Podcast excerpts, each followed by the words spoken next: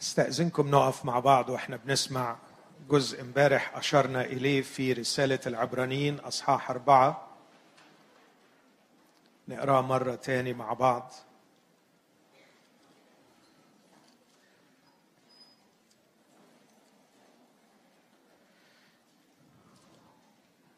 عبرانيين أربعة عدد 12 لأن كلمة الله حية وفعالة. وأمضى من كل سيف ذي حدين. وخارقة إلى مفرق النفس والروح والمفاصل والمخاخ. ومميزة أفكار القلب ونياته. وليست خليقة غير ظاهرة قدامه. بل كل شيء عريان ومكشوف لعيني ذلك الذي معه أمرنا.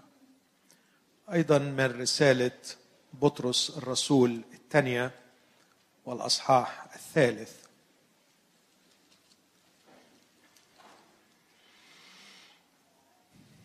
بطرس الثانية ثلاثة عدد 16 أو 15 واحسبوا أنات ربنا خلاصا.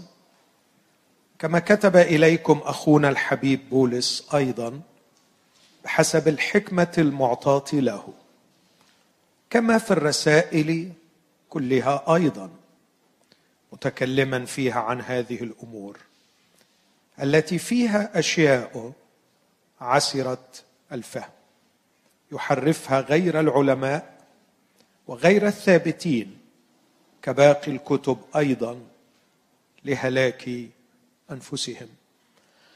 فأنتم أيها الأحباء إذ قد سبقتم فعرفتم.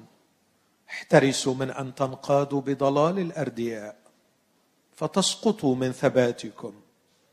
ولكن إنموا في النعمة وفي معرفة ربنا ومخلصنا يسوع المسيح له المجد الآن وإلى يوم الدهر. آمين. ثم أخيرا من إنجيل يوحنا أصحاح ستة. في حديث الرب الطويل عن نفسه كخبز الحياة وكيف أنه عتيد أن يعطي جسده بالإيمان لنأكله. كان رد فعل الجمهور كما عبر عنه التلاميذ هكذا. في يوحنا ستة عدد ستين. فقال كثيرون من تلاميذه إذ سمعوا إن هذا الكلام صعب. من يقدر أن يسمعه؟ فعلم يسوع في نفسه أن تلاميذه يتذمرون على هذا. فقال لهم أهذا يعثركم؟ فإن رأيتم ابن الإنسان صاعدا إلى حيث كان أولا الروح هو الذي يحيي.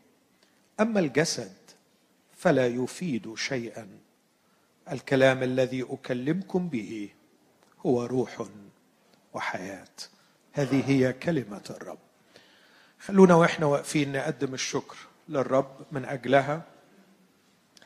ونرجو منه باتضاع أن يسكب في قلوبنا حبا لها. وأن يعطي أذهاننا بصيرة لنفهمها. وأن يعطي أيضا إرادتنا طاعة وخضوع لها. صلي من أجل نفسك ومن أجل هذا المكتوب. قول يا رب لا حياة ولا نصر لي بدون الكلمة لكن من يعطيني أن أفهمها إلا روحك يا رب. اعمل فيا اشبعني بها واسكنها فيا بغنى. وعلمني في السر وفي العلن كيف أخبئها في قلبي لكي لا أخطي إليك. رب الحبيب يسوع مع إخوتي آتي إليك راجيا نعمة الفهم التي أنعمت بها على تلاميذك. إذ يسجل الروح القدس قائلا حينئذ فتح ذهنهم ليفهموا الكتب. افتح ذهننا وأعطنا هذه النعمة فنفهم. أبانا استجب لنا في اسم المسيح. آمين.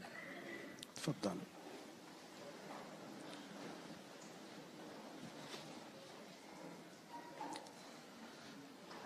ذكرت بالأمس يا أحبائي إني مشغول في هذا المؤتمر ببعض الخواطر عن الكتاب المقدس. لا أزعم أني أقدم دراسة عن الكتاب المقدس لكن هي بعض الخواطر عنه التي أرجو أن يستخدمها الرب لمزيد من الحب والاحترام والتقدير لهذا الكتاب. ليه؟ ليه مهم أن يكون لنا وقفه بين الحين والآخر أمام الكتاب المقدس وأهميته. أذكر ما قاله سارتر وهو فيلسوف ملحد. لكن أحيانا من أفواه الملحدين تصدر عبارات في غاية الأهمية. يقول هذا الرجل لا معنى اطلاقا لأي نقطة محدودة بدون الرجوع لنقطة مرجعية غير محدودة. لا معنى لنقطة محدودة. إذا لم يكن لديك نقطة مرجعية وهذه النقطة المرجعية ينبغي أن تكون غير محدودة. كيف أقيس أي مسافة؟ إذا لم يكن هناك مقياس مطلق اتفق عليه العالم اسمه الكيلومتر مثلا. كيف أوزن إذا لم يكن هناك اتفاق على مكيال معين هو الكيلو. إننا نحتاج إلى نقطة مرجعية نرجع إليها. عندما نحتاج أن نقيم أي شيء نتعامل معه. كيف أفهم الله؟ هذا يدعي هكذا عن الله وهكذا آخر يدعي شيئا آخر عن الله. على أي أساس أقول أن هذا صواب وهذا خطأ؟ أحتاج إلى نقطة مرجعية غير محدودة. نقطة مرجعية معجزية نقطة مرجعية موثوق فيها نقطة مرجعية يتضح فيها العنصر الإلهي. نقطة مرجعية تقنع قلبي وعقلي أن مصدرها إلهي فأستريح إليها وأنا أقيس إليها وأراجع عليها. الكتاب المقدس يزعم أنه كلمة الله ونحن نؤمن أنه كلمة الله. وعليك أن تتثبت من صحة هذه الحقيقة لأننا في إيماننا المسيحي نرجع في كل شيء إلى الكتاب المقدس. لكن من جانب آخر هناك سؤال أقدر أقول عنه سؤال وجودي سؤال أخلاقي. قال رجل الله جون ستوت هذه العبارة المهمة بأي سلطة كمسيحيين نؤمن بما نؤمن به ونعلم بما نعلم به؟ على أي أساس أؤمن بما أؤمن به؟ وعلى أي أساس أعلم بما أعلم به؟ ما هي سلطتي؟ والذين يرفضون السلطة في الحقيقة هم لا يؤمنون ويعلمون بدون سلطة إنهم فقد استبدلوا السلطة. فبدلا من الرجوع لسلطة الكتاب المقدس جعلوها سلطة المنطق أو سلطة التقليد. أو سلطة الطائفة. إنها كلها سلطة. ونحن لا نستطيع أن نؤمن أو أن نعلم بدون سلطة. بأي سلطة أؤمن بما أؤمن به وبأي سلطة أعلم بما أعلم به. وأعتقد أنه من الأمور المخجلة أن تكون سلطتي في الإيمان والتعليم هي سلطه عقلي. وكأني أفرض منتجات عقلي على الآخرين. وكأن عقول الآخرين أقل من عقلي فعليهم أن يقبلوا منتجات عقلي أنا. أو أن أفرض سلطة طائفتي. أو أن أفرض سلطة تقليد معين توارثناه. نحن نحتاج إلى سلطة. وعندما نرفض السلطة نحن لن نعيش لن نؤمن لن نعلم بلا سلطة إننا فقط نستبدلها. وأي سلطة غير سلطة الكتاب؟ الحقيقة هي سلطة ضعيفة وهزيلة للغاية. لكن من الممكن أن شخص يقول اني اعود إلى سلطة المسيح فأنا مسيحي ولست من أهل الكتاب. وأنا لا أشعر بالشرف أن يقال عني إني من أهل الكتاب. أنا شخص مسيحي. لكن أعود إليه بالسؤال وكيف ستسمع صوت المسيح؟ وكيف ستطيع المسيح؟ وكيف ستتعلم تعاليم المسيح؟ إن المسيح يوصل كلامه ويمارس سلطته في كنيسته من خلال شيء وهذا الشيء إما أن يكون الخدام الوعاظ الكنيسة أو الكتاب المقدس. لا أعتقد أنك تقبل أو توافق أن تقول إني لا أحتاج لكل هؤلاء. المسيح هو رأسي وأنا عضو في جسده وهو السلطة الوحيدة لي وأنا كمسيحي سأتبع المسيح وأتبع تعليماته. هذا جميل وهذا حق وأوافقك عليه لكن يبقى السؤال وكيف ستعرف تعليماته وكيف سيوصل إليك وصاياه لابد من طريقة. اقترح لي طريقة. إذا اقترحت مئات الطرق لن أقترح لك إلا طريقة واحدة هي الكتاب المقدس. إن امن وسيلة يوصل بها المسيح الرأس المسيح الملك المسيح الرب يوصل بها فكره وتعليمه ووصاياه إلى شعبه وإلى كنيسته هي الكتاب المقدس. إذا وصلنا إلى هذه النقطة واتفقنا عليها أن الكتاب المقدس هو النقطة المرجعية المطلقة التي نرجع إليها لكيما يكون عندنا أرضية صلبة فيما نؤمن به وفيما نعلم به لكي نكون اخلاقيا وضميريا ومنطقيا مستريحين أن كلامنا صحيح أن إيماننا صحيح وأن تعليمنا صحيح. أعتقد أنه في هذه الحالة سيبدأ إبليس يشن حربه الشعواء على الكتاب المقدس وهذا ما يفعله.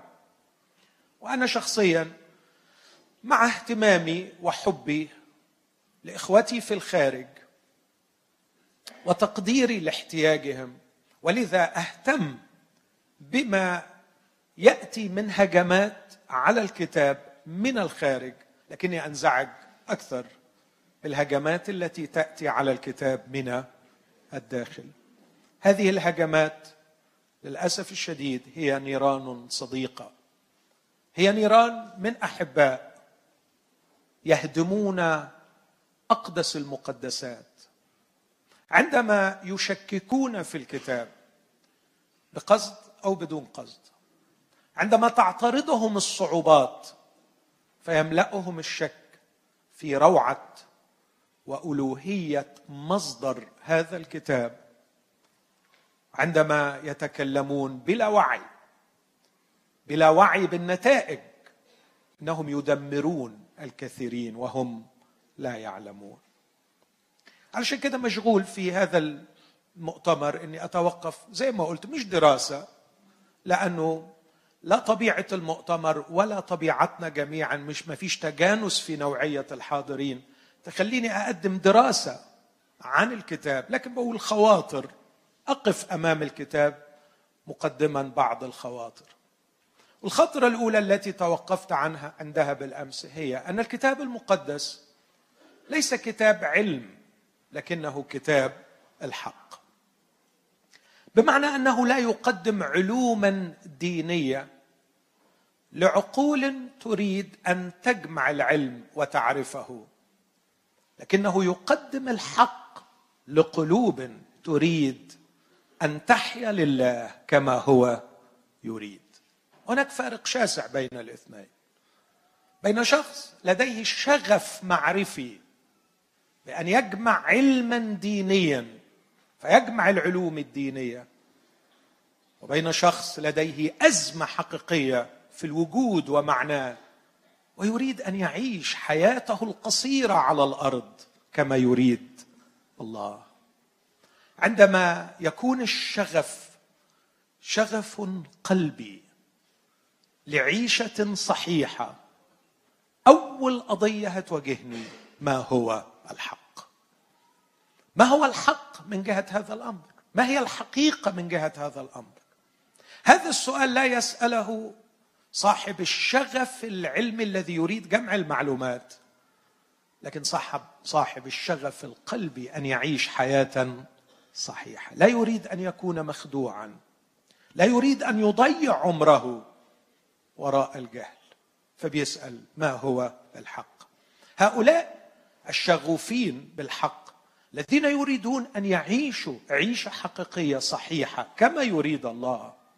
الكتاب المقدس بالنسبة لهم ملجأ لا غنى عنه لأنه كتاب الحق. وما حاولت أن أبينه بالأمس هو أن القرار الصحيح ينبع أو الرؤية الصحيحة تنبع من قراءة جيدة للواقع. أنا محتاج أشوف الواقع. أشوفه بطريقة صحيحة. سواء ده الواقع ده كان واقع نفسي واقع الناس من حولي واقع الألم اللي بنكتاز فيه واقع النجاح اللي أحيانا بنجحه. أنا محتاج أشوف صح. محتاج أبقى شايف كل حاجة على حقيقتها علشان ما أخدش قرارات غلط. الرؤية غير الدقيقة حتما ستؤدي إلى نتائج وقرارات غير دقيقة. مظبوط؟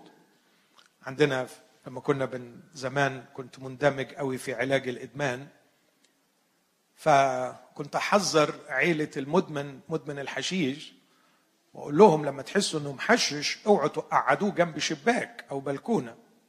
ليه؟ لأن اللي بيحشش أتمنى ما يكونش حد هنا عارف اللي أنا بقوله ده اللي بيحشش بيبقى عنده مشكلة في المسافات. فالمسافة البعيدة تظهر قريبة. المسافات الأجسام تبدو أقرب وتبدو أزهى. فبالتالي ممكن يبص من الشباك المسافه بينه وبين الشارع أربعة متر هو يشوفها متر أو مترين فيروح نازل من الشباك. فالقراءة الخاطئة للواقع تؤدي إلى قرار غبي أحمق يؤدي إلى دمار وموته بس يا ريت المسألة كلها عبارة عن نطة غبية تؤدي إلى كسر في الساق. لكن لما الواحد يبقى شايف الأمور الخطيرة غلط هتبقى كل حساباته غلط. وفي النهاية مش هتبقى كسرة رجل كسر رقبة وممكن تؤدي إلى الهلاك الأبدي. أنا أحتاج إلى رؤية صحيحة للواقع لكن القضية اللي طرحتها امبارح وبأكد عليها تاني لا أحد فينا يستطيع أن يرى الواقع كما هو. الوحيد الذي عيناه كلهيب نار. الوحيد الذي يرى الواقع كما هو هو الله. حدش فينا عنده عقل طالع منه صاروخين نار يقدر يخترق الأشياء ويشوفها من جوه في جوهرها. أوعى تصدق أوعى تصدق. كلنا شايفين الواقع طبقا للنظارات اللي الناس عملوها لنا. Constituted minds عقول تكونت مع الزمن. نرى بها ما نراه. لكننا لا نرى قط الواقع كما هو. هل من أمل أن نرى الواقع كما هو؟ تعرف لما تقول أريد أن أرى الواقع كما هو أنت باختصار بتقول أريد الحق من جهة هذا الواقع. أريد أن أعرف حقيقة هذا الشيء. وهنا يأتي دور الله الذي يريدنا أن نعرف الحق من جهة كل شيء. من خلال هذا الكتاب. هنا تأتي أهمية الكتاب المقدس. الكتاب المقدس هو رؤية الله للواقع. هو رؤية الله للواقع. الكتاب المقدس هو رؤية الله لواقع الطبيعة البشرية. واحدة من أكثر الأشياء التي تذهل أحيانا الملحدين هي رؤية المسيح للطبيعة البشرية. لما بيقروا باخلاص يقولوا هذا الشخص يحيرنا. لقد كان يحب الإنسان جدا جدا جدا. حتى تكاد تستنتج أن هذا الكائن كائن سامي للغاية. لكن بعدين لما يوصفه يقول من قلوب الناس تخرج ويسمي أشياء رهيبة جدا. يقول لك هذا الشخص غريب لكن سر تميزه أنه واقعي جدا. جدا جدا. كثير منهم يقول لا أحد فهم الطبيعة البشرية كما فهمها المسيح. لا أحد وصف الطبيعة البشرية كما وصفها المسيح. أعرف واحد قال آمنت بالكتاب المقدس بسبب صدق وصفه للطبيعة البشرية. في كل مجالات الأديان والعلوم الأخرى إما أن يمجدوا الإنسان أو أن يحقروه جدا. لكن لا يوجد وصف دقيق للإنسان كما وصفه الكتاب المقدس. ليه؟ لأنه هو ده رؤية الله للواقع. ما هي رؤية الله للزواج؟ ما هي رؤية الله للمرأة؟ ما هي رؤية الله للرجل؟ ما هي رؤية الله للعمل؟ ما هي رؤية الله للكنيسة؟ إذا أردت أن تعرف الحق من جهة أي شيء أنت تحتاج إلى كلمة الحق. عشان كده الرسول وهو بيكتب عنها بيقول إنها حية وفعالة أمضى من كل سيف ذي حد خارقة إلى مفرق النفس والروح المفاصل والمخاخ مميزة أفكار القلب. إيه ده؟ إيه معقول؟ مفيش رأي بشري يقدر يجيب كده. مهما كان الشخص اللي بيعاشرك ذكي ذكاء حاد وخارق مستحيل يوصل. يجيب مفاصلك ومخاخك وأفكارك ونفسك. مش ممكن. هذا لا تقوى عليه إلا كلمة الله. نحن نحتاج إلى الكتاب. لا إلى كتاب معلومات دينية لكن إلى كتاب الحق. ويمكن يكون عندي وقفة عن كيف نقرأ الكتاب المقدس لكن ما أعرفش الرب هيمشيني إزاي. علشان كده أقول بالمناسبة أفضل وأصح طريقه لقراءته أن تندمج معه. اندمج مع الكتاب لكي تعيش به. فهذا الكتاب كتاب للعيشة وليس كتاب للامتحان. عايز أطمنك لما تقف قدام ربنا مفيش امتحان اطلاقا في الكتاب المقدس. مفيش امتحان خالص. يعني مش هيقول لك ذاكرت قد إيه وحصلت قد إيه ومستواك قد إيه في إشعيا؟ وتاخد كام في رسائل بولس؟ مفيش كام ده خالص. لكن في عشت قد إيه؟ عشت قد إيه؟ اقترب إلى الكتاب لكي تعيش. اقترب إلى الكتاب منطلقا من أزماتك المتكررة والمتعددة واليومية. وادخل بأزمتك إلى كلمة الله.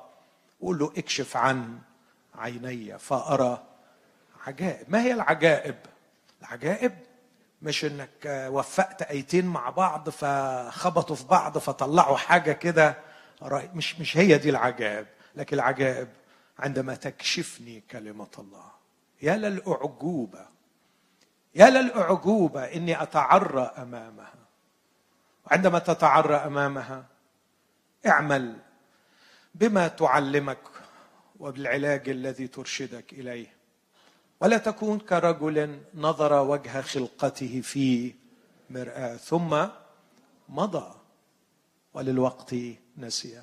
عشان كده الرسول يعقوب يقول عنها إنها الكلمة الحية المغروسة القادرة أن تخلص نفوسكم. الحق هو رؤية الله للواقع.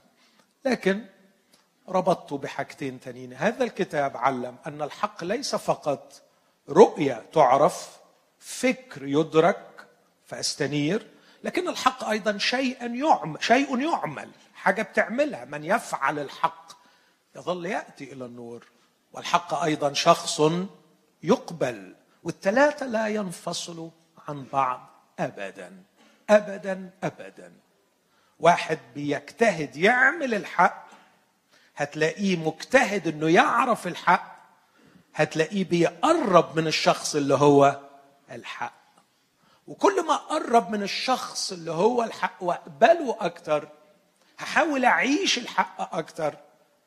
تفاجئني صعوبات أكثر فألجأ إلى كتاب الحق أكثر وهناك ألتقي بشخص الحق أكثر وهكذا تدور الدائرة وتصبح الحياة تتلخص في هذه الكلمات الثلاثة. عيش في الواقع حيره أمام الواقع رؤيه للشخص الذي هو في ذاته هو الحق الذي يمدني بالقوة لكي أعيش الواقع كما يريدني هو أن أعيش. عيشه والكتاب والمسيح والثلاثة يدفعوني لمزيد من النمو في الحياة الروحيه لكن إذا انفصلت العيشة عن الكتاب أصبح الكتاب كتاب علم وليس كتاب الحق.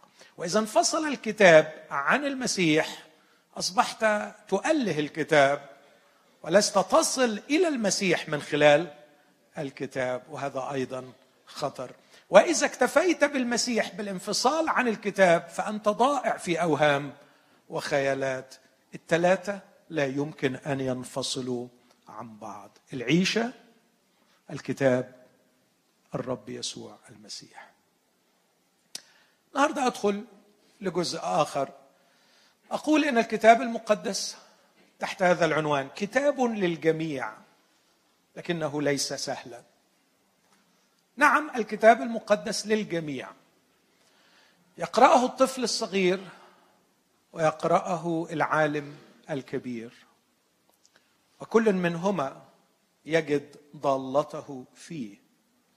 فالطفل الصغير يلتقي بيسوع الحبيب الذي يقص قصصا بديعة تخلب الألباب.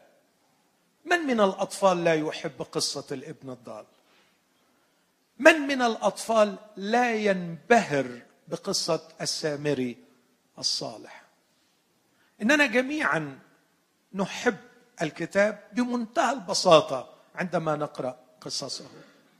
كم كانت تشدنا وتدهشنا. قصص معجزاته البديعة. عندما يهدئ البحر الهائج. عندما يكفكف دموع الأرملة. عندما يشبع الألاف بخمس خبزات. كان ولم يزل وسيظل. الكتاب المقدس قادرا على إثارة الدهشة عند الأطفال. وقادر على تعليمهم الكثير عن روعة الله يجذبهم يحببهم في هذا الإله المحب القدير. يجدون فيه الأب العطوف يجدون فيه الأب المحب. لكن في نفس الوقت هذا الكتاب صعب. فكيف تشرح للأطفال كيف لعن اليشع الأطفال فخرجت دبتان وقتلت 42 طفل. وكيف تشرح للأطفال كيف أن الكتاب المقدس أمر موسى وإسرائيل بإبادة كل سكان أرض كنعان؟ هل بتحكوا الحكايات دي لأطفالكم بسهولة؟ أعتقد أن هناك صعوبة أن نقصها على الأطفال. وإذا تجرأنا وقصصنا فنحن غالبا ما نهرب من أسئلتهم أو نقمع هذه الأسئلة. هل نحكي لأطفالنا ونحن نعلمهم ونجعلهم يحفظون مزمور الراعي ونفرح بهم وهم يغنون الرب راعية فلا يعوزني شيء. ونفرح بك. هل تحفظ أطفالك؟ مزمور آخر يقول طوبى يا بنت بابل لمن يمسك أطفالك ويضرب بهم الصخرة؟ تقدر تحفظ ولادك الآية دي؟ في مدرسين مدارس أحد هنا. كم مرة حفظوا الأولاد الآية دي وشرحوا لهم الآية؟ وشرح الآية الحقيقة بدون أي مبالغة هو أنه لما يدخل الغازي إلى أرض بابل يدور على الأطفال الصغيرين وياخدهم ويشوف أقرب صخرة ويروح خبطهم في الصخرة فيهلل شعب الرب قائلين طوبى لك لأنك ضربت الصخرة بأطفال بنت بابل. هذا هو شرح الآية بالمناسبة. تحفظوا أولادكم الآية دي. الكتاب صعب. وأعتقد أن الهروب من مواجهة صعوبة الكتاب ليس من شيمة الرجال. وليس امرا صحيا. أن نركز على سهولة الكتاب وجمال الكتاب وحلاوة الكتاب ونتجنب صعوبته ونترك شبابنا وأولادنا بلا أجوبة. لأننا لا نريد أن نبذل الجهد ونقبل التحدي ونقف أمام هذه المصاعب. الكتاب المقدس كتاب للجميع لكنه ليس كتابا سهلا. به مصاعب كثيرة. وهذه المصاعب تحتاج إلى مجهود. وهذه المصاعب ده من البداية كده علشان أطمن أي حد هذه المصاعب لا تقلل قط من كونه كلمة الله.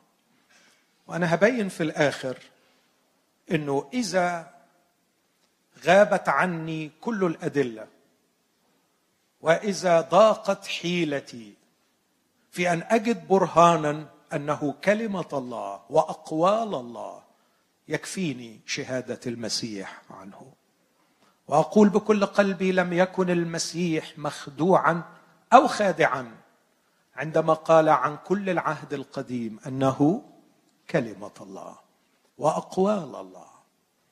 هذه لا تحل الصعوبة لكن تعطيني يقين أن الكتاب كلمة الله وتحفزني أن أبذل الجهد لكي أجد الحلول. على أن تكون الحلول أمينة أمينة عقليا أمينة كتابيا أمينة اخلاقيا وليست لوي للنصوص أو مجرد محاولة للهروب من مواجهة الصعوبة. في هذا الاجتماع أحاول إني أساعد. لا أدعي طبعا إني أعرف كل الصعوبات اللي فيه مرات بقرأ أجزاء ورد الفعل السريع يا ربي بس أنا مش فاهم أي حاجة من اللي أنا بقرأه ده. حد فيكم جرب حاجة زي كده؟ حد فيكم جرب أوكي. ما تزعلش لو جربت. يعني لو جربت حاجة زي كده أوعى تنزعج أوعى تخاف. أخوك الغلبان اللي واقف قدامك بيعدي في الموقف ده عشرات المرات. يا ربي أنا مش فاهم أي حاجة من اللي أنا بقرأه ده. أرجوك يا رب افتح مخي وافتح عليا وخليني أفهم. وأحيانا أقعد أصرخ لربنا وما بيفتحش عليا وخلاص وبقوم. هعمل إيه طيب؟ بروح لحتة أكون فاهمها يعني. وبسيب اللي أنا مش فاهمه على أمل إنه في يوم من الأيام ربنا هيفتح على حد يفهم ويعمل كمان إيه؟ ها؟ ويفهمنا. لكن ما زالت هناك صعوبات ما زلت أواجهها. لكن مع الأيام هناك بعض الأشياء التي زالت صعوباتها. واللي أحاول إني أساعد بوضع بعض المبادئ مش أنا اللي وضعها لكن غيري ومن هم أقدر مني. درسوا كثير من المصاعب وحطوا بعض المبادئ اللي أقول لكم أو أشارككم ببعض الأفكار السريعة عن هذه المبادئ التي تساعد في إزالة المصاعب. الغرض من إزالتها هو إزالة بعض العثرات من أمام المخلصين وهم يقرؤون الكتاب المقدس. أذكر النصوص اللي قريتها بتقول إن في على الأقل ثلاث أنواع من المصاعب. في حاجات صعبة الفهم في حاجات صعبة القبول. وفي حاجات صعبة التوفيق بينها وبين بقية أجزاء الكتاب أو مبادئ الكتاب. الحاجات اللي صعبة الفهم بطرس أقر بيها ومش أقر بيها في كتابات العهد القديم ومش أقر بيها من خلال عن كتاب واحد لكن اسمع النص التي فيها أشياء عسره الفهم. يعني إيه عسره صعبة. يعني الموقف اللي أنا بلاقي نفسي فيه ان مش فاهم أي حاجة يا رب ده مش حاجة غريبة ده الكتاب قايل إن في أشياء عسره الفهم. وبيقول إن الأشياء دي وجدت في كتابات مين؟ بولس الرسول. لكن بيقول كباقي يحرفها غير العلماء كباقي الكتب. واضح إنه العلماء غير العلماء بيلاقوا مصاعب في باقي الكتب فبيبدأوا يعملوا إيه؟ ها؟ يحرفوها. اذا الأشياء عسره الفهم. موجودة في العهد الجديد وموجودة في العهد القديم وعلينا أن يعني لا نسقط في هذه الخطية إن الشيء الذي لا نستطيع أن نفهمه لا يمكن أن يكون حقيقي لأنه لو حقيقي وهناك شخص يمكن أن يفهمه فهذا الشخص هو أنا وطالما أني أنا لم أفهمه فمن المستحيل أن يكون هذا الشيء حقيقي. واخدين بالكم من الحركة الغبية دي؟ أقولها تاني. واضح إنها ما اتفهمتش في حاضر. أيوه خليك معايا دايما كده لما تلاقي حاجة ساعدني في بعض الأشخاص للأسف عندهم هذا المفهوم في دماغهم سوفت وير غلط كده نازل له يا ريت حد يكتشفه ويطلعه منه أو هو يطلعه من روحه إنه أي شيء ما فهمهوش يبقى غير صحيح. ما ينفعش يبقى صحيح. ليه؟ لأنه لو كان صحيح وفي حد في الدنيا كلها قادر على فهمه فالحد ده هو أنا. وبما إني أنا ما فهمتهوش فهو بكل يقين هو غير صحيح. مبدأ غبي مش كده؟ لا. أرجوك تقبل إنه مهما كان عقلك اسمح لي أقول لك في حاجات أنت ممكن ما تفهمهاش. صعبة مش كده؟ لا لا لا لا. لا لا لا لا لا. أي حاجة أنا أقدر افهم طب نتكلم شوية في ال quantum physics ونشوف إيه الأخبار. نتكلم شوية في ال subatomic level ونشوف الدنيا تحت المستوى الذري أخبارها إيه. أو أجيب لك كتاب تقرأه في المسائل دي. أو أجيب لك كتاب في الفلسفة. تحاول كده يعني علشان بس نضحض هذا. لكن يعني إذا كان كل القراءات هي في كتابات سهلة وبسيطة أو غالبا معظم المصادر النهاردة من على الفيسبوك. هو مصدر التعليم الأكاديمي الأعظم في حياة الجيل الجديد. وبعدين تلاقي روحك بتفهم كل كلام أصحابك وبعدين تلاقي حاجة في الكتاب المقدس صعبة فتقول إزاي؟ دي أكيد غير صحيحة لأني مش قادر أفهمها. لا ده وهم شوية. لكن الكتاب المقدس لا تتوقف مصاعبه على أن به أشياء عسرة الفهم. هناك مشكلة أكبر. في حاجات في الكتاب المقدس مفهومة لكنها صعبة القبول. مش قادر أقبلها. والحقيقة يوحنا ستة من هذا القبيل. يعني أنا ما زلت في حيرة من جهة هذا الأصل. يا رب كنت تتكلم بطريقة تانية تريحنا وتريح الناس. يا رب أنت ده, ده كم المشاكل اللي في المسيحية بسبب يوحنا ستة مئات السنين والمعلمين مش قادرين يخلصوا منها. أنت بتقول أحيانا كلام مفهوم ما فيهوش صعوبة. هو بيقول من يأكلني؟ يحيا بيا أنا فاهم كلمة يأكل وفاهم كلمة يحيى وبناء على الضمير الفاعل هو أنا والمفعول به هو المسيح. هذا كلام ما فيهوش صعوبة. آكل المسيح أحيا به. بس مين يقبل هذا الكلام؟ قال تلاميذه هذا الكلام صعب.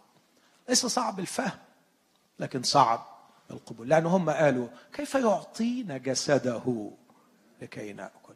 رب يسوع حاول يوضح بعد كده لكن واضح إن التوضيح برضه غير مقبول. لما الرب قال الجسد لا يفيد شيئا الروح هو الذي يحيي. ان رأيتم ابن الإنسان صاعدا إلى السماء؟ طب ما هيطلع تاني وما فيش جسده. يا صح ممكن أفهم بس برضه الكلام صعب. والحقيقة مش بس النص ده لكن هناك نصوص أخرى في الكتاب صعب أقبلها سهل أفهمها لكن من الصعب قبول. مثلا في لو 14 لما الرب يقول لا يقدر أحد أن يأتي إلي ويكون لي تلميذا إن لم يبغض أباه وأمه وأولاده يبغض. صعبة صعبة في قبولها. الكتاب المقدس به أشياء صعبة الفهم وبه أشياء تفهم لكنها صعبة القبول. أنا مش أتكلم عن دي ولا أتكلم عن دي لكن النوع الثالث في أشياء صعبة التوفيق مع بقية أجزاء الكتاب المقدس. مش قادر أوفق دي مع دي مع دي وبالتالي حاسس كأن هناك تضاد أو تناقض يشككني في مصداقية الكتاب المقدس. وده موجود فعلا عند كثيرين إنه بيصعب عليهم التوفيق وعشان كده أحاول أساعدهم ببعض المبادئ. أذكر خمس أو ست أو سبع مبادئ حسب ما يتسع الوقت. المبدأ الأول الانتقاء لا يعني الإنكار. عندما ينتقي كاتب معين أشياء يسجلها. هذا لا يعني ابدا أنه ينكر حدوث ما لم يسجل. منطقي الكلام ده؟ الانتقاء لا يعني الإنكار. إذا انتقى أشياء يسجلها بعينها هذا لا يعني ابدا أنه ينكر حدوث بقية الأشياء التي ربما سجلها غيره. المبدا الثاني الاختلاف لا يعني التناقض. إذا قرأت قصتين ووجدت أن القصتين مختلفتين في اختلافات هذا لا يعني أنهم متناقضين. وده هحاول أوضحه بمثال. فالاختلاف لا يعني التناقض. الامر الثالث التشابه لا يعني التطابق. يعني إذا سجل واحد قصة والثاني سجل قصة وفي تشابه كبير بين القصتين ده ما يعنيش إن هما قصة واحدة ممكن يكونوا قصتين وفي أوجه تشابه لكن التشابه لا يعني التطابق. المبدأ الرابع صحة الكلام لا تعني دقته المطلقه صحة الكلام لا تعني دقته المطلقه أنا ممكن أقول كلام صحيح 100% لكنه مش دقيق 100% وهوضح الكلام ده برضه. الامر الخامس الترتيب الموضوعي لا يلغي الترتيب التاريخي. يعني ممكن قوي أذكر أحداث معينة بترتيب تاريخي لكن ممكن في مرة ثانية أذكر نفس الأحداث بس مش بالترتيب التاريخي لكن بالترتيب الموضوع. أنا عايز أكمل موضوع فما بحترمش الترتيب التاريخي علشان أنا عايز أوصل موضوع مش أذكر التتابع الزمني للأحداث. نمرة ستة. الصياغة لكلام لا تعني اقتباسه. ممكن أسمعك. وانقل كلامك لحد. تقول لي فلان قال إيه؟ أقول لك قال كذا. لكن ده مش معناه إني اقتبست بالضبط كل حرف هو قاله أخيرا إذا اتسع الوقت أتكلم عن الغموض لا يعني التناقض. الغموض لا يعني التناقض. هناك حتى في الفلسفة يقبلون بما يسمى المسترز أو الأسرار الأشياء التي لم تزل غامضه أمشي بسرعة بمثال واحد في كل حالة. الانتقاء لا يعني الإنكار. واحدة من أقوى الأمثلة على هذا المبدأ اللي بتخلي ناس كثيره تتلخبط قصة ميلاد ربنا يسوع. لما تقرأ قصة الميلاد هتلاقي اولا إنه اثنين من البشريين اثنين من الأناجيل سجلوها متى؟ ولوقا. واثنين تانيين ما جابوش سيرتها نهائيا. مع إن الاثنين التانيين بيقروا أن مريم أمه وأن يوسف أباه القانوني ليس البيولوجي بيقروا. يقروا أنه ولد لكن لا يذكرون شيئا قط عن قصة الميلاد. المشكلة تتعقد عندما نقرأ قصة الميلاد كما سجلها لوقا ومتى اللي سجلوها. الحقيقة القصص مختلفة تماما. فلوقا بيسجل حاجات ومتى بيسجل حاجات. كل واحد من البشرين الأربعة انتقى ما يسجله أو قرر أن لا يسجل. لكن يوحنا ومرقس عندما قرر أن لا يسجل إنهم لا ينكر حدوث هذا الميلاد. ولوقا عندما اختلف عن متى انتقى أحداث معينة لا ينكر لوقا اطلاقا ما سجله متى ولا متى ينكر اطلاقا ما سجله لوقا فالانتقاء لا يعني إنكار ما حدث من أشياء أخرى قرر الكاتب أن لا يسجلها السؤال هل من حق الكاتب أن ينتقي؟ ينتقي أشياء يسجلها. على فكرة المبدأ ده يعني في غاية الأهمية إنك تفكر فيه لأن كل الكتاب المقدس بالطريقة دي. بص كده على سفر التكوين. امشي من تكوين واحد لغاية تكوين 11 أنت قطعت 2000 سنة. من تكوين واحد لتكوين 11 أنت عديت كده 2000 سنة. من تكوين 12 إبراهيم لغاية تكوين 50 يوسف أنت بتتكلم في 250 سنة.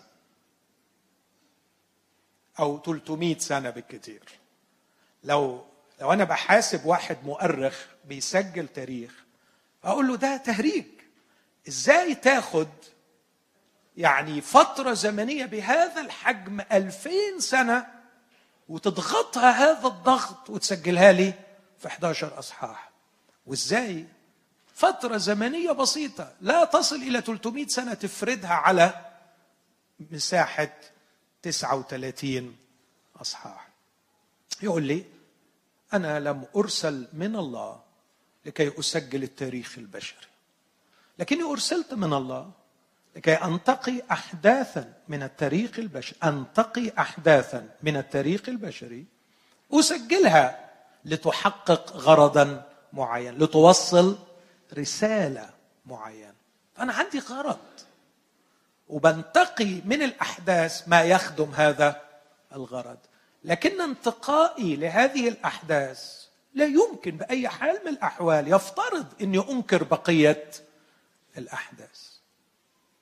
آدم خلف عيال كتير وخلف بنات كتير؟ أكيد خلف. أكيد خلف كتير وأكيد عنده أولاد وبنات كتير بس إحنا ما نعرفش منهم غير أسماء ثلاثة والسؤال السخيف أقين اتجوز مين؟ عارفين السؤال ده اللي يطلع لك دايما في المؤتمرات وكأنه جاب الديب من ديله لقايين يعني جاب منين؟ اتجوز مين؟ جوز أخته يا أخي ما خربتش الدنيا. طب وإزاي الكتاب ما قالش إنه عنده إخوات؟ لا وأنت لما تروح تكون خمسة تلاقيه ولد بنين وبنات. هو أكيد كان عمال يخلف كتير راجل ربنا اداله العمر وقعد 930 سنة بس الكتاب مش عايز يحكي لنا النسل الآدمي كله. الكتاب بينتقي قصة هابيل وقصة قايين ليحقق قصد. في غرض في غرض. الشطارة بقى وده اللي مجال من مجالات الصعوبة إنك تبذل الجهد لكي تكتشف هذا الغرض. ما هو الغرض؟ ما هو الغرض من تسجيل فقط قصة اثنين من أولاد آدم أو ثلاثة مش عايز أخذ وقت في الوقوف قدام الحاجات دي أسيبها لينا إحنا نشتغل عليها. لكن مثلا يعني عندما أرى شخصا بارا يذبح يموت وأرى شخصا وصفه الكتاب بأنه اخترع طريق للاقتراب إلى الله يقول ويل لهم لأنهم سلكوا طريق قايين. طريق قايين. طريق الاقتراب إلى الله من منطلق الكفاءة الشخصية بعيدا عن الذبيحة وبعيدا عن التقدمه التي قدمها الله أو يريدها الله. وبعدين ألاقي هذا الطريق يقتل هذا الطريق. هي دي نفس القصة اللي حصلت في اليوم اللي إحنا بنسميه يوم الجمعة الحزين. عندما التقى الدين بالبار هابيل عمل فيه إيه؟ قتلوا ذبحوا وكان قايين من الشرير. وقال المسيح هابيل الحقيقي قال لليهود أنتم من اب هو إبليس ذاك قتال للناس منذ البدء. وبعدين لما اوصل ليوحنا الأولى يقول ليس كما كان قايين من الشرير قام على أخيه وذبحه.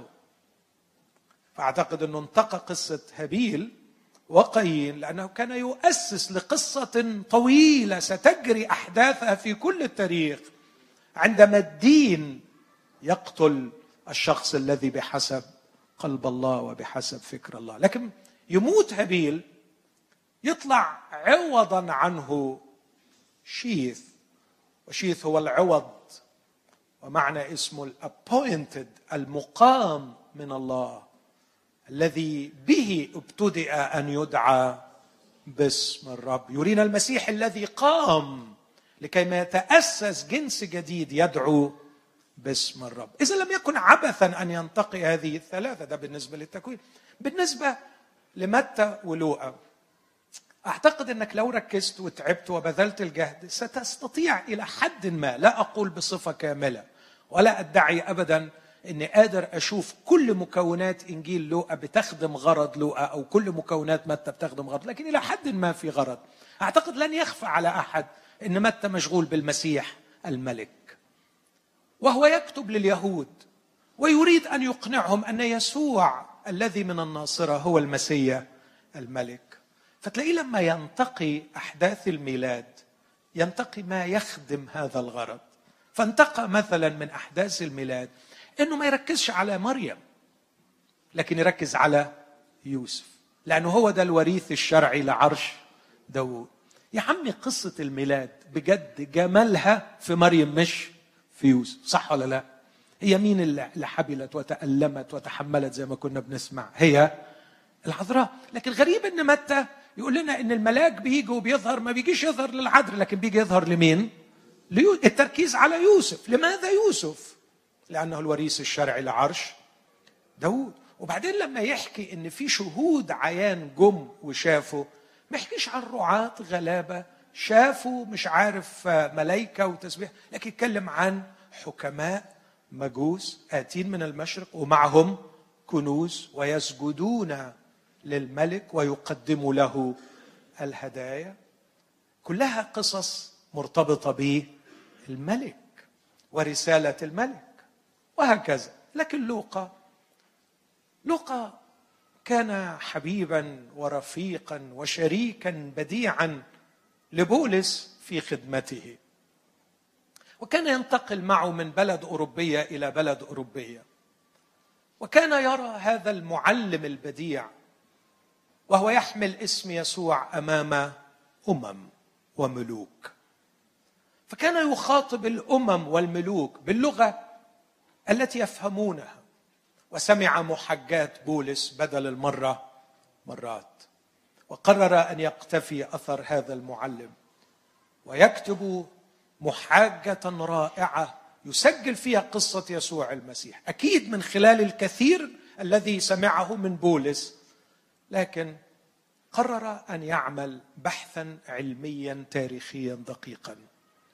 فعاد إلى أورشليم يتتبع كل شيء من الأول بتدقيق ويسأل ويسأل ويوثق ويوثق ويصيغ كل هذا في قصة رائعة يرسلها إلى واحد من الملوك اسمه ثوفيلوس. سواء كان ثوفيلوس شخصية حقيقية موجودة لا نعرف عنها في التاريخ كثيرا أو قليلا أو كان مجرد رمز لكل شخص محب لله لأن ثوفيلوس تعني المحب لله. لكني أميل إلى أنه كان في شخص فعلا أراد بولس أن يرسل له القصة وكان يركز في هذه القصة على ما يجذب الأمم اليونانيين الذين كانوا يبحثون عن الفضيلة والإنسان الكامل الذي تظهر فيه الفضيلة. كانت هذه محاجة فلسفية شهيرة في أروقة أثينا.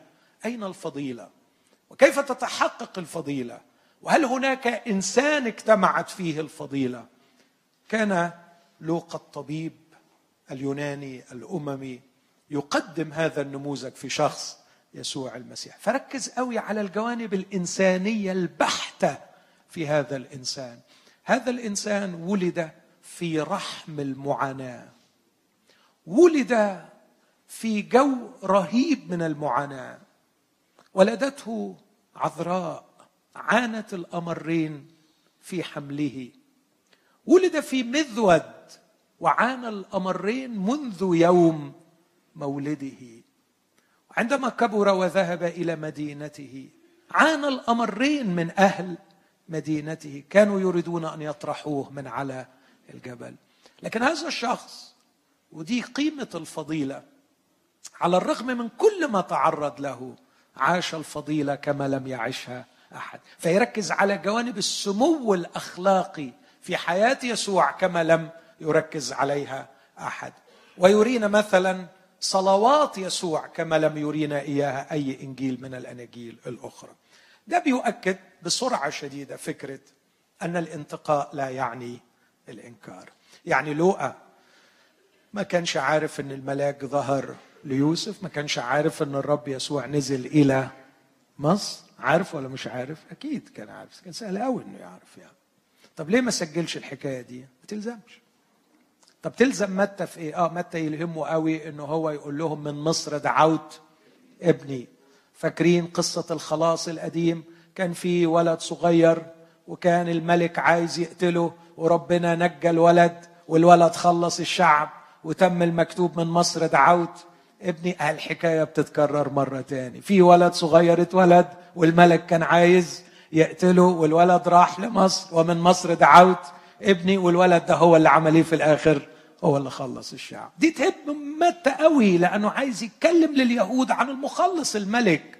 لكن ما تهمش لوقا ولو لوقا حكى حكاية من مصر دعوت ابن دي تلزم الامم ولا يفهموها ولا ليها قيمة ولا ليها معنى ولا طعم عندهم. الانتقاء لا يعني الإنكار. المبدا الثاني بسرعة. مش عارف أخد إيه وأسيب إيه. هقول حاجات في كلمة وتدوروا عليها وفي حاجات أقف قدامها. الاختلاف لا يعني التناقض. بقولها باختصار شديد. لما نقرأ متى ومرقص من جهة انشقاق الحجاب نكتشف إن الحجاب انشق بعد موت الرب يسوع. بعد ما الرب يسوع صرخ وأسلم الروح متى ومرقس يقولوا الحجاب انشق. لوقا بقى عمل غلطة فظيعة. قال الحجاب انشق قبل موت الرب يسوع. سجل كده.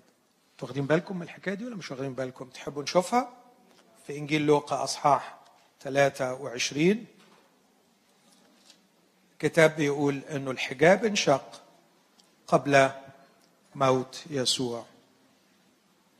في عدد 45 أو نقرأ من 44 لوقا 23 وكان نحو الساعة السادسة.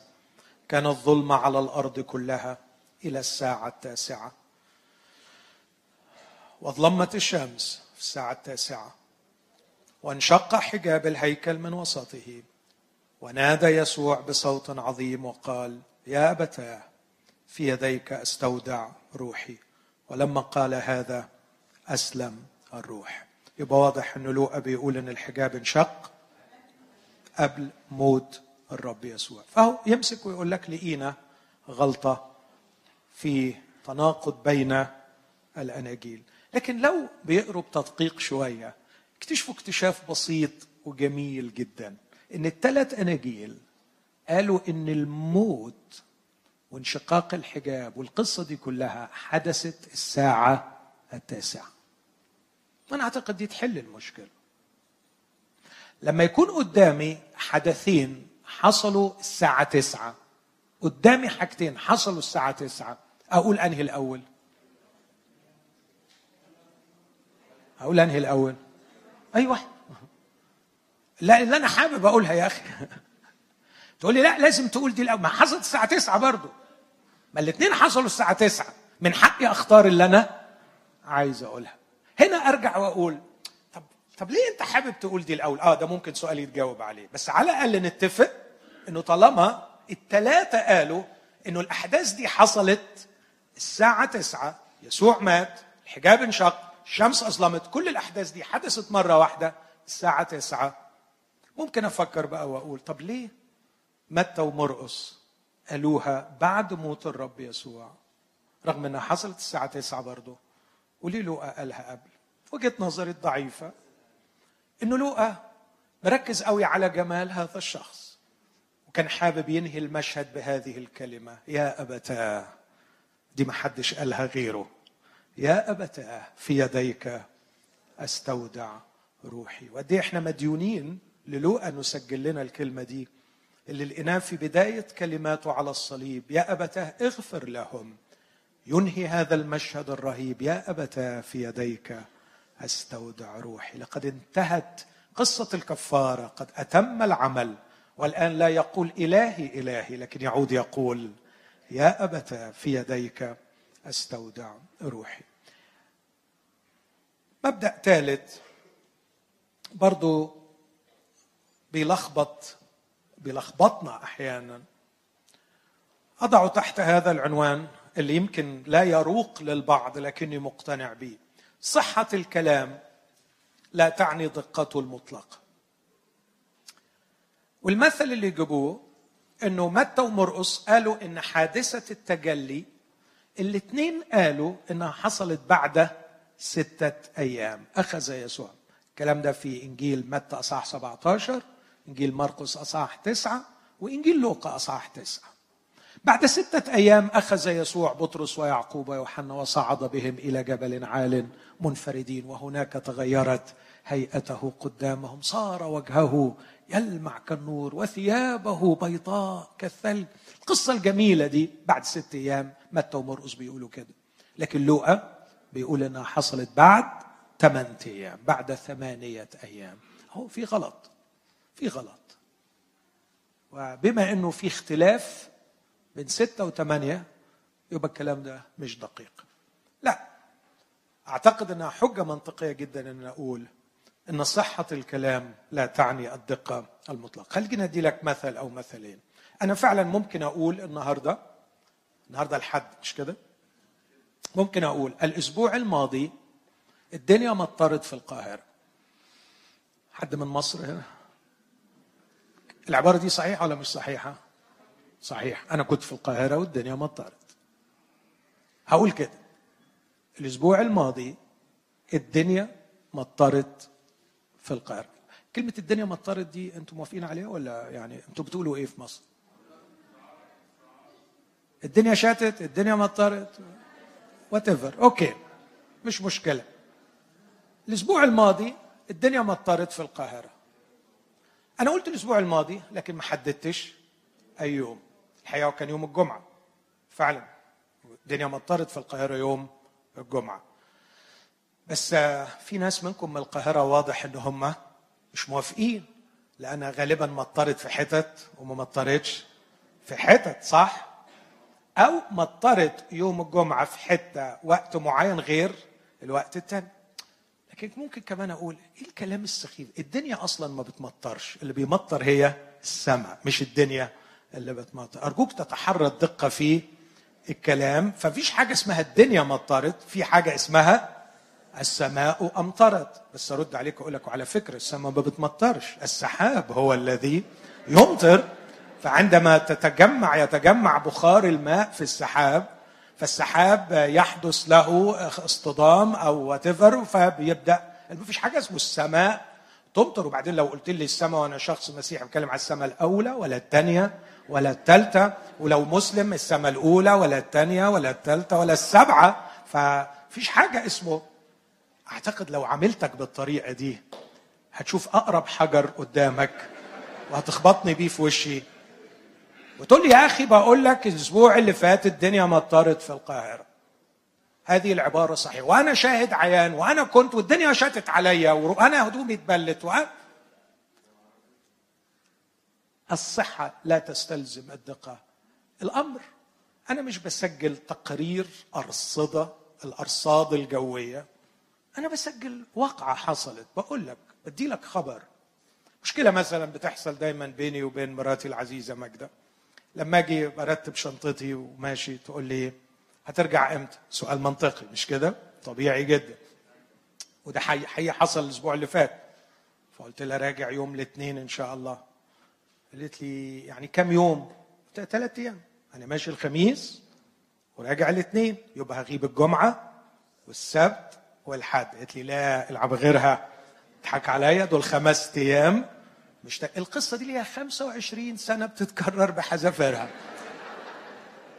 وعمرنا ما قدرنا نحل الإشكالية دي. دايما هي تزود عليا يومين لأنه هي بالنسبة لها آه، يعني عايزة تبين الحقيقة وأنا عايز أخفف منها شوية. بس أنا أعتقد إنه صحيح. أنا هغيب ثلاث أيام كاملين. هي برضو عندها حق. حاسة إن أنا هغيب خمس أيام. الخلاصة في النهاية طبيعة الحوار يحدد نوع الكلام. لم يكونوا هؤلاء الرجال يسجلون بحثا علميا إن كمية الأكسجين التي خرجت من هذه التجربة كم ملي جرام ونص ملي وجزء من الملي إنهم يسجلون حدثا يؤدي إلى غرض. فده صح وده صح. إذا أضفت اليوم اللي طلعوا فيه واليوم اللي نزلوا فيه ايزي قوي إنك تفهم إنه 8 أيام ما تختلفش عن ستة أيام القصة. مش بنحكي في يعني تجربة معملية وتستلزم الدقة الحرفية فصحة الكلام لا تستلزم دقته المطلقة. التشابه لا يعني التطابق. معرفش مع إنه القصة واضحة قوي لكن كتير يخلطوا بين مثل الوزنات في إنجيل متى 25 ومثل الأمناء في إنجيل لوقا أصحاح 19 الحقيقة في تشابه ما نقدرش ننكر. وتشابه أحيانا كلمات بالنص. يعني فكرة إنه في عبد من العبيد ياخد اللي حيلته سواء وزنه أو منن ويعمل فيه إيه؟ يصره في منديل أو يطمره في الأرض. وبعدين يجي يقول نفس العبارة علمت أنك سيد قاسي تحصد من حيث لم تزرع وتجمع من حيث لم تبذر. أو لما يكافئ الناس ويقول له نعم أيها العبد الصالح تشابهات قوية للغاية. فاللي بيقرأ بسطحيه يقرأ وبعدين يقول إيه الحكاية ده؟ كل واحد فيهم عمال يحكي على مزاجه وواضح إن في تضاد فيظهر علم القصة وده اللي بيقولوه بالظبط. يشوفوا مين اللي كتب الأول تاريخيا. فلو افترضنا مثلا إنه متى اللي كتب الأول يقولوا القصة الأصلية هي قصة متى لكن بعدما تم تناقلها تم إضافة بعض التوابل لها فتحولت إلى أسطورة وصلت إلى لوقا بهذه الطريقة فسجلها بهذه الطريقة. طبعا افتراض يعني ينم عن نية شريرة مسبقة أنه يطلع في النهاية أن في أساطير السؤال ما المانع أن نفس الخادم المتجول يسوع المسيح المعلم العظيم كان يحكي قصة مختلفة تماما عن الأولى لكنه استخدم بعض الأفكار من القصة الأولى. إيه اللي يمنع كده؟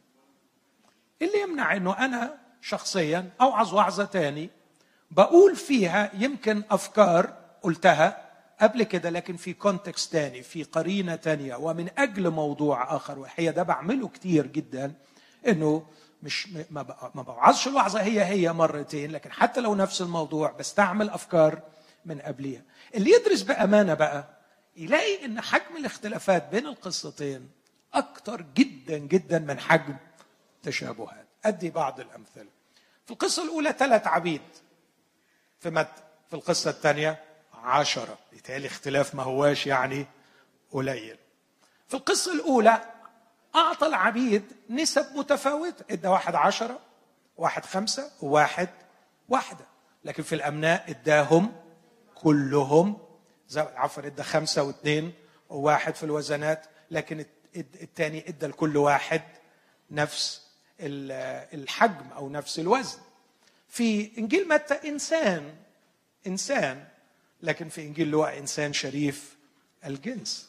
في إنجيل متى إنسان مسافر لكن في إنجيل لوقا إنسان شريف الجنس مضى لكي يأخذ لنفسه ملكا. وهيرجع القصة مختلفة تماما وعايز يوصل رسالة لليهود واليهود فهموها في إنجيل لوقا فكانوا عايزين يقتلوه لأنهم عرفوا أنه قال المثل ده عليهم.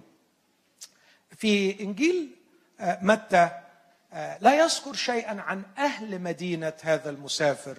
لكن في إنجيل لوقا يقول أن أهل مدينته أرسلوا وراءه سفارة لا نريد أن هذا يملك علينا.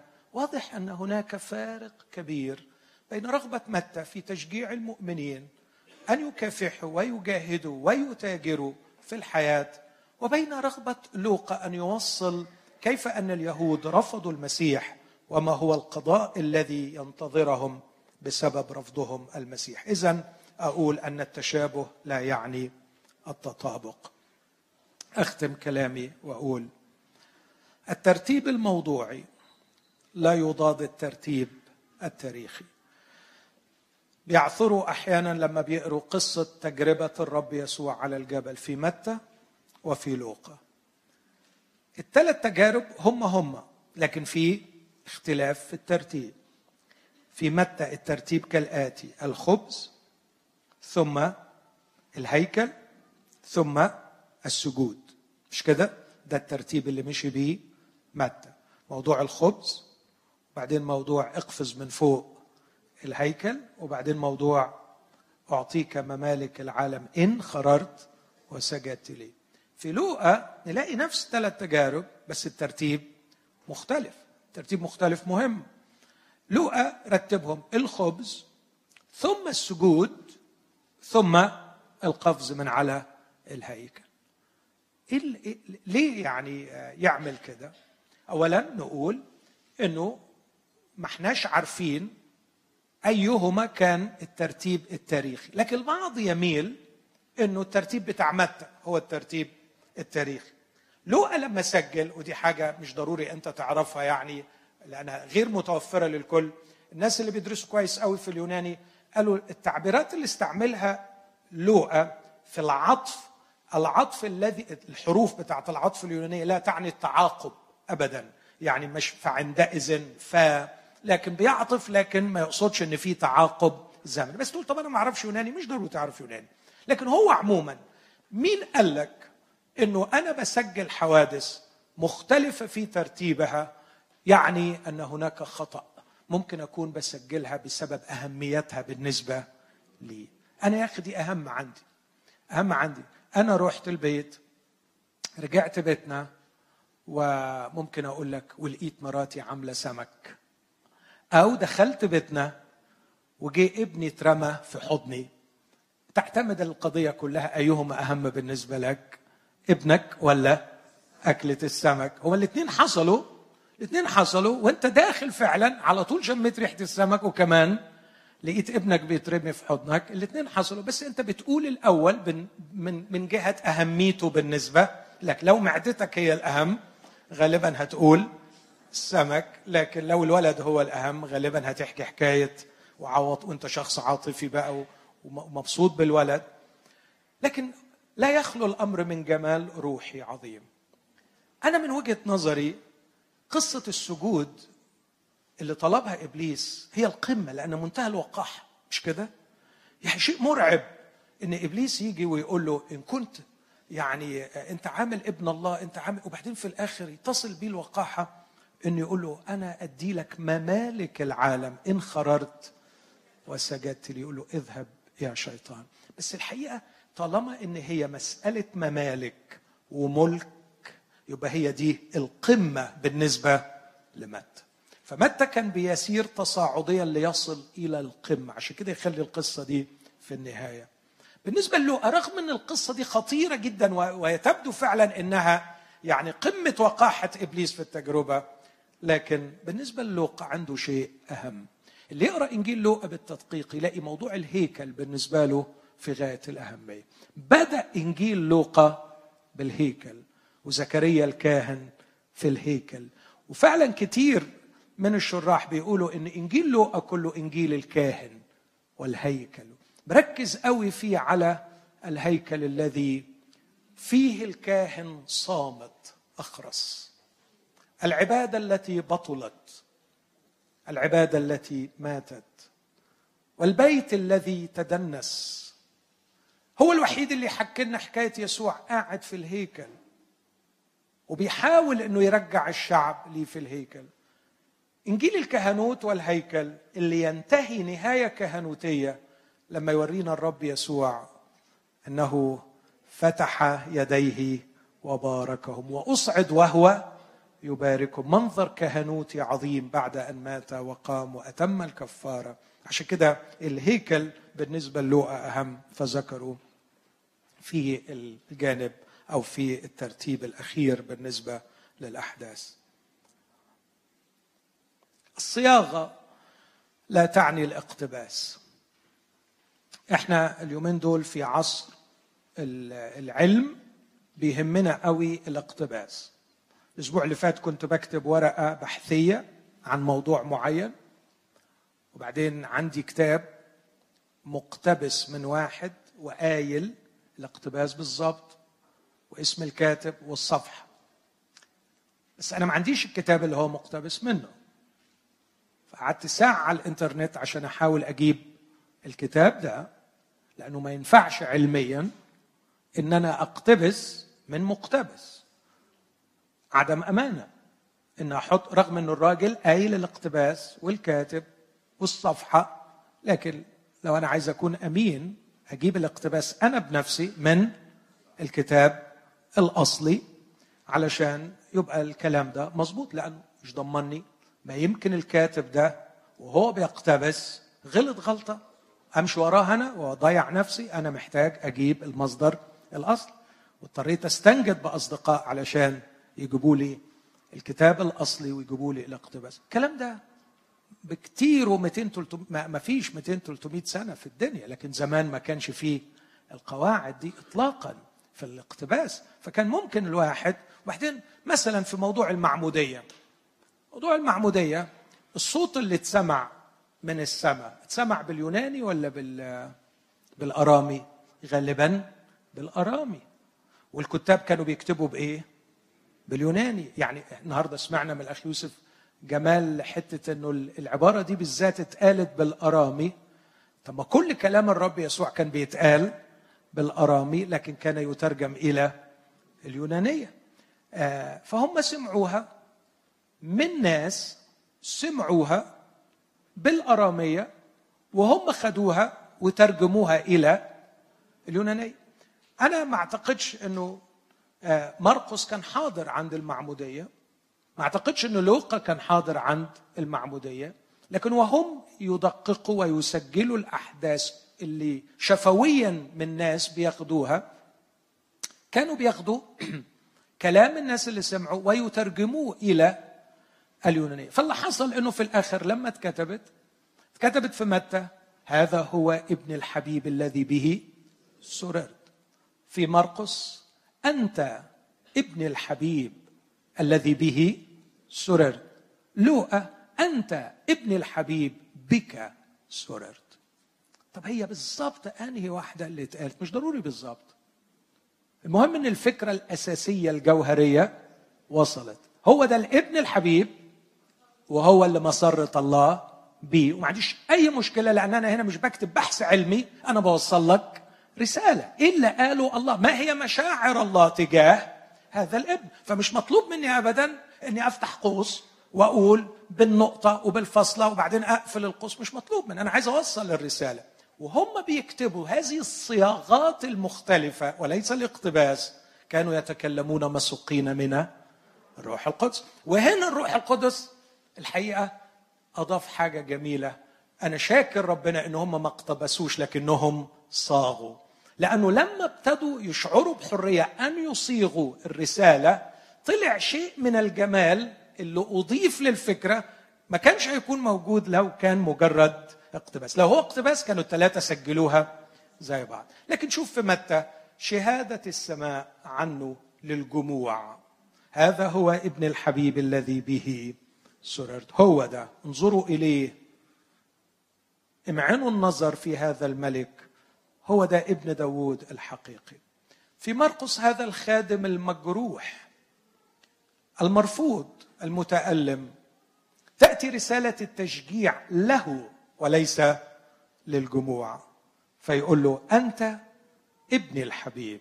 مش بيكلم الجموع لكن بيكلمه هو. بس النص الثاني ينفع لي وينفع للجموع. الذي به سررت. في لوقا رجل الشركة الكاملة مع الله. الحديث كله موجه لي. فتيجي صياغة ثالثة أقوى جدا في الرسالة الشخصية. أنت ابن الحبيب بك. سررت. يسمع الإنسان الكامل هذين التعبيرين. أنت بك. أنت ابن الحبيب وبك. سررت. اذا ليس بالضرورة ابدا أن تكون الصياغه اقتباس بالأساليب الحديثه أتمنى إن في في أفكار أكثر من كده مبادئ لكن أتمنى إن دي بس تدينا فكرة أن نعم هناك صعوبات لكن أحيانا نحن نفترض افتراضات خاطئة تخلق لنا مزيدا من الصعوبات. الافتراضات الخاطئة دي اللي أنا ذكرت منهم ستة دلوقتي. أنت لما بتفترض إن الإنكار عفوا الانتقاء يعني الإنكار. أنت لما بتفترض إن الصياغة تعني اقتباس أنت لما بتفترض إن الصحة تعني الدقة الكاملة دي أنت افترضت الافتراضات دي. وبناء على هذه الافتراضات أنت اللي خلقت الصعوبات. أنت لما بتفترض إن التشابه يعني التطابق أنت بتفترض الحاجات دي وأنت اللي خلقت بيها صعوبات وقاعد موحول في الصعوبات بتاعتك. لكن آه، هي في الحقيقة ما هياش صعوبات. لكن معنى كلامي مش معنى كلامي إن ما فيش صعوبات. أنا من الأول قلت إن في صعوبات. في حاجات صعبة الفهم وفي حاجات صعبة القبول. هناك أسرار هناك أشياء غامضة هناك أشياء يعصر علينا فهمها. وهنفضل طول العمر بنكافح علشان نفهمها واحتمال نفهمها واحتمال ما نفهمهاش. أنا ما أعرفش إمتى أقدر أفهم الثالوث ما أعرفش إمتى أقدر أفهم الطبيعتين ما أقدرش أفهم إمتى إمتى هقدر حقيقي أفهم حسقيال عقدة من عقد حياتي في الدنيا مش عارف إمتى هقدر أفهمه. أديني بكافح وبنجاهد لكن هل هناك ما فهمته؟ نعم. وهل ما فهمته يكفي لخلاص نفسي؟ نعم. وهل ما فهمته يكفي لنموي في معرفة الله؟ وهل لم يزل هذا الكتاب يجيب عن أسئلتي؟ نعم. هل لم يزل هذا الكتاب يريني الواقع كما يراه. الله فيصبح كتاب الحق بالنسبة لي الذي يرشدني إلى الحقيقة وإلى صنع القرار السليم. نعم هذا الكتاب كتاب للجميع لكنه ليس كتاب سهل. أرجو أن نقف جميعا وإحنا بنرنم مع أخونا سامح. وبنطلب من الرب إنه يدينا حب جديد للكتاب. تقدير جديد للكتاب.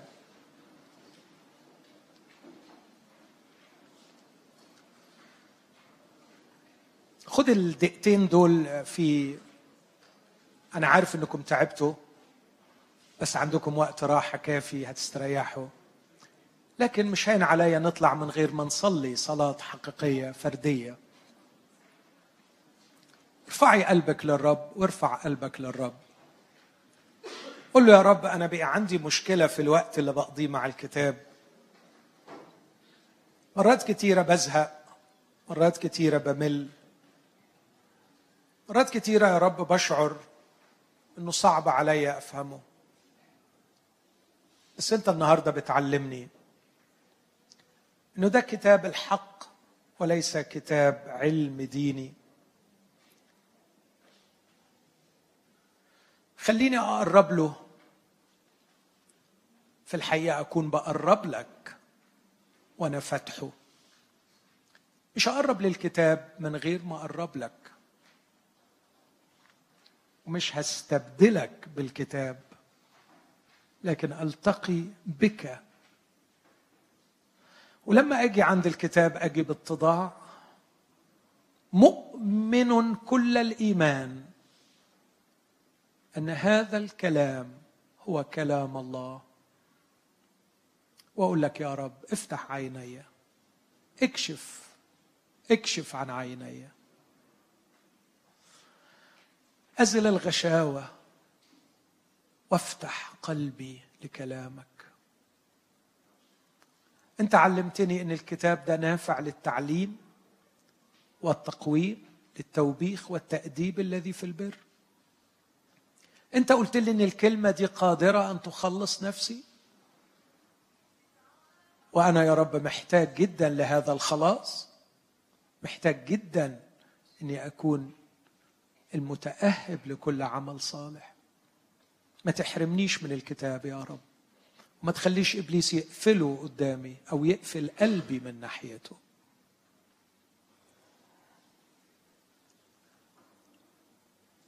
رب الحبيب يسوع أرجو أن تسمع كل صلاة رفعت إليك. أتحد مع اخواتي يا رب. كل من صلى.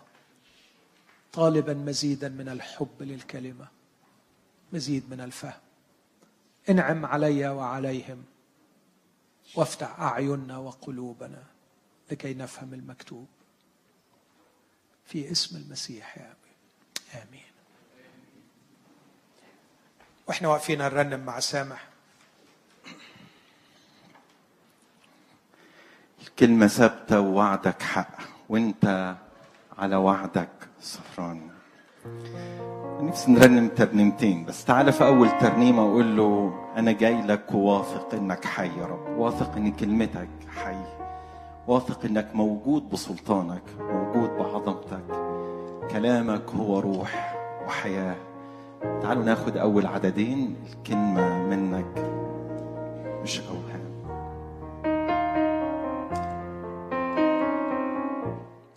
الكلمة منك مش أوهام الوعد قلته مش أحلى والكلمة ثابتة ووعدك حق وانت على وعدك سهران ما هو انت رب ومش إنسان تقول وتوفي وليك سلطان صادق امين مش هقبل شك.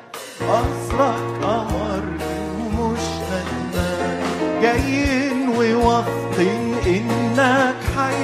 موجود يا رب بنترجى مسكن في وعدك إنك جاي.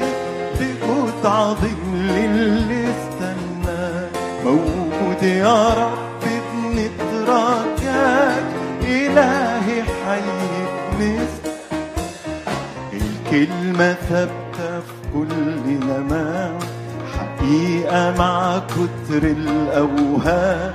وحتى لو للشك مكان دي ليها وقت أكيد هتبان. هضاب جبال. كل اللي هتدوسوا الأقدام. ميراثي هملك رغم الحرب. مغلوب عدوي ومش جايين وواثقين انك حي موجود يا رب. بنترجاك واثقين في وعدك إنك جاي بجود عظيم للي استناك. موجود يا رب بنترجاك إلهي حي نستناك ده كلامك حي. كل يوم يعطي حياة. أموات بتقوم وخطاة بتفرح بالنجاة. كلامك يرجع يشفي ويشبع يروي ويشبع كل محتاج. أنا هستناك كل يوم لأنك حي. عارف إن في عدد كبير ما يعرفهاش لكن زق نفسك وقول له مصدق كلمتك إن فيها روح وحياة. كلمتك ثابتة في كل مكان. أنا هستنى كل يوم لأنك حي. حسب الوعود والشهود بأنك جاي. راح أقف قدامك يرويني حنانك وأشوف أمجادك.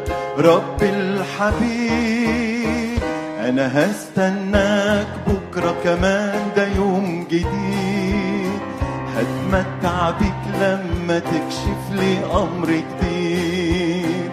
يدك تطعني حبك يسندني تشفي لي ضعفي. ده أنت الطبيب. أنا هستناك لأن كلامك لا يزول.